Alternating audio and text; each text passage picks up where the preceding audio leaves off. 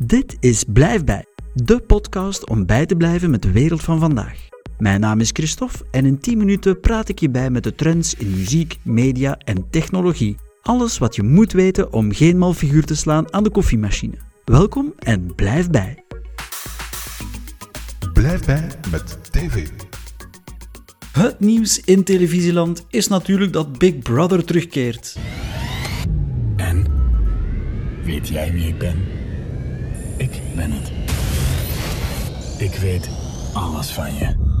Twintig jaar na het eerste Vlaamse seizoen brengt Vier deze moeder van alle reality-programma's terug naar België.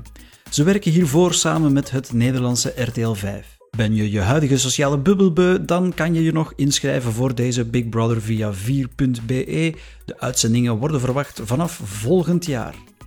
4 zit trouwens nog in recyclagemodus, want ook een ander oud format komt onder het stof vandaan. Kom aan! Woord, drie letters. Paas! Nee, maar de A is al juist. Vanaf maandag 3 augustus start Peter van de Veire met Het Rad, uiteraard gebaseerd op Het Rad van Fortuin.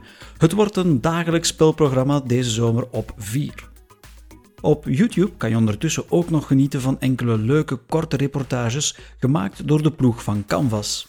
Ze hebben als titel de Canvas Curiosa. Kunsthistoricus Koen de Vos schijnt zijn licht over enkele bizarre en intrigerende verhalen, gebeurtenissen of voorwerpen. Zo onderzoekt hij of het vrijheidsbeeld in New York al dan niet Belgische roots heeft. Ik heb een tijdje geleden een leuk souvenirtje gevonden, een oude foto van de stad van Dinant met de Maas en, en de kerk en het grote beeld bovenop de citadelrots. Maar waar is dat beeld naartoe? Leuk om tijdens de vakantie te ontdekken en dus zomaar te vinden op het YouTube-kanaal van Canvas. Zou hij daar El Bandido kunnen zijn?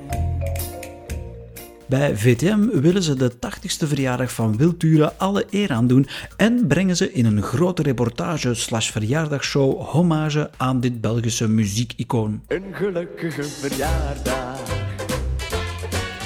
En wie beter dan schoonzoon Luc Allo om het geheel te presenteren.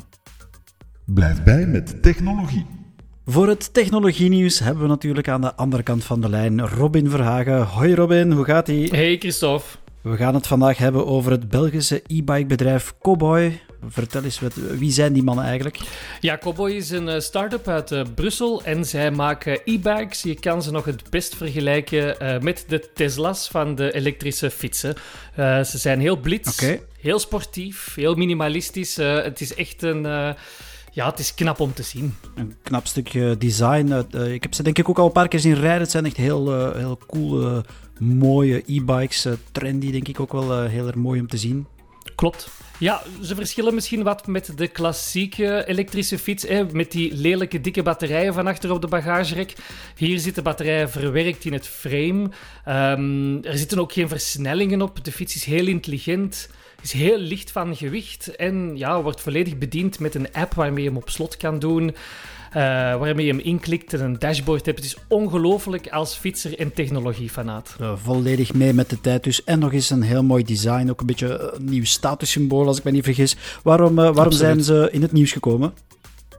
Wel, het is niet de eerste keer, maar zeker wel voor het, uh, het hoogste bedrag tot hiertoe. Ze hebben 23 miljoen euro uh, kapitaal opgehaald okay. bij een hoop investeerders, uh, waarvan toch één in het oog springt. Een familie die ook investeert in Fiat en Juventus, dus toch niet de minste. Oké, okay, knap. En wat, wat zijn ze van plan met al dat geld, vers binnengekomen geld?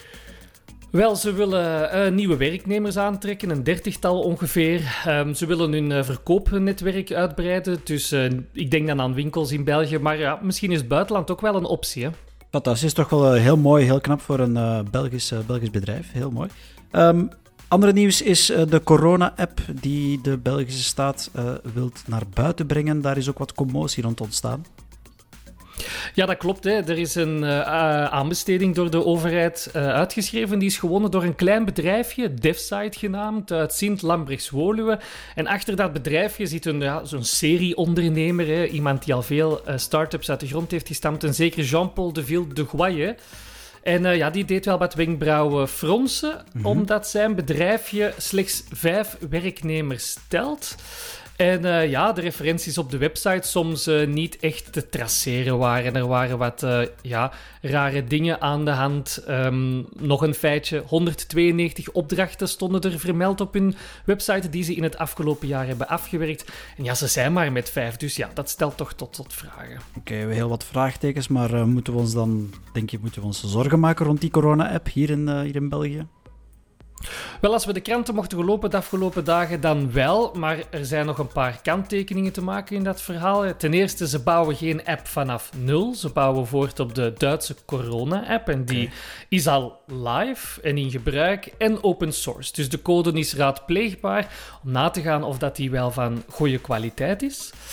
Um, en nog twee kanttekeningen. De ontwikkeling staat ook onder toezicht van een zekere professor Bart Preneel. Is aangesloten bij de KU Leuven en is encryptiespecialist. Dus dat stemt okay. toch tot vertrouwen. Mm -hmm. Zelfs ook vanuit de overheid. Um, zij hebben een tweede aanbesteding uitgeschreven. En een okay. bedrijf dat Envisio heet, is daaruit gekomen als winnaar. En zij zullen de app van DevSite testen of dat die wel aan alle veiligheidsregels voldoet. Dus ook daar voel okay, ik wel dus toch, toch meer, zekere, meer, wat vertrouwen. Een zekere kwaliteitscontrole ingebouwd ook uh, door de overheid.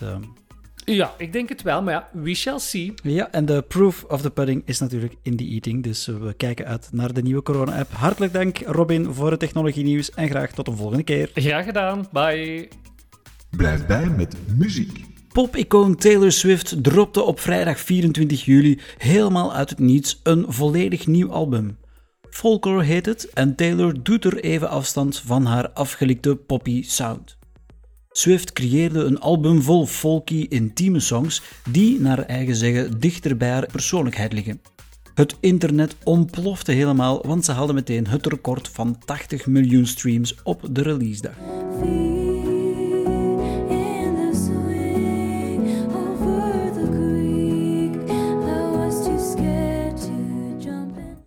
Maak je tegenwoordig een hit? Wel, een van de mogelijke pistes is om te zorgen dat je nummer een hype wordt op TikTok, met een bijbehorend dansje liefst. Neem nu bijvoorbeeld deze Savage Love van George 685 en Jason Derulo. Deze zomerhit verovert nu de commerciële hitparades en heeft dat te danken aan de massa filmpjes op TikTok die op het catchy riedeltje van deze song gemaakt zijn, met het bijbehorende zeer simpele dansje.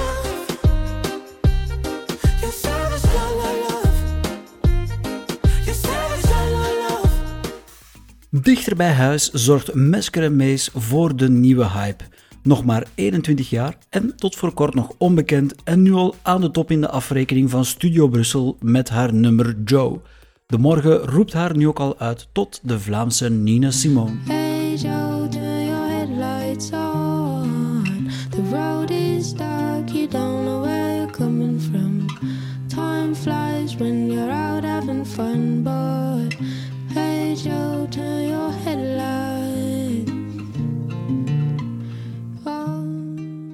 Radio 1 is het ook een Belg die hoge toppen scheert, namelijk Stef Camille Carles met zijn Lament on General Smedley D. Butler.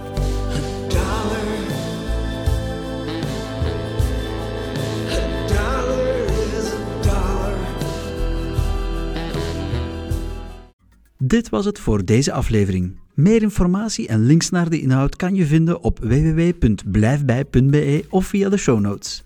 Volg ons ook op Facebook of Instagram. Dit was Blijf bij, de podcast om bij te blijven met de wereld van vandaag.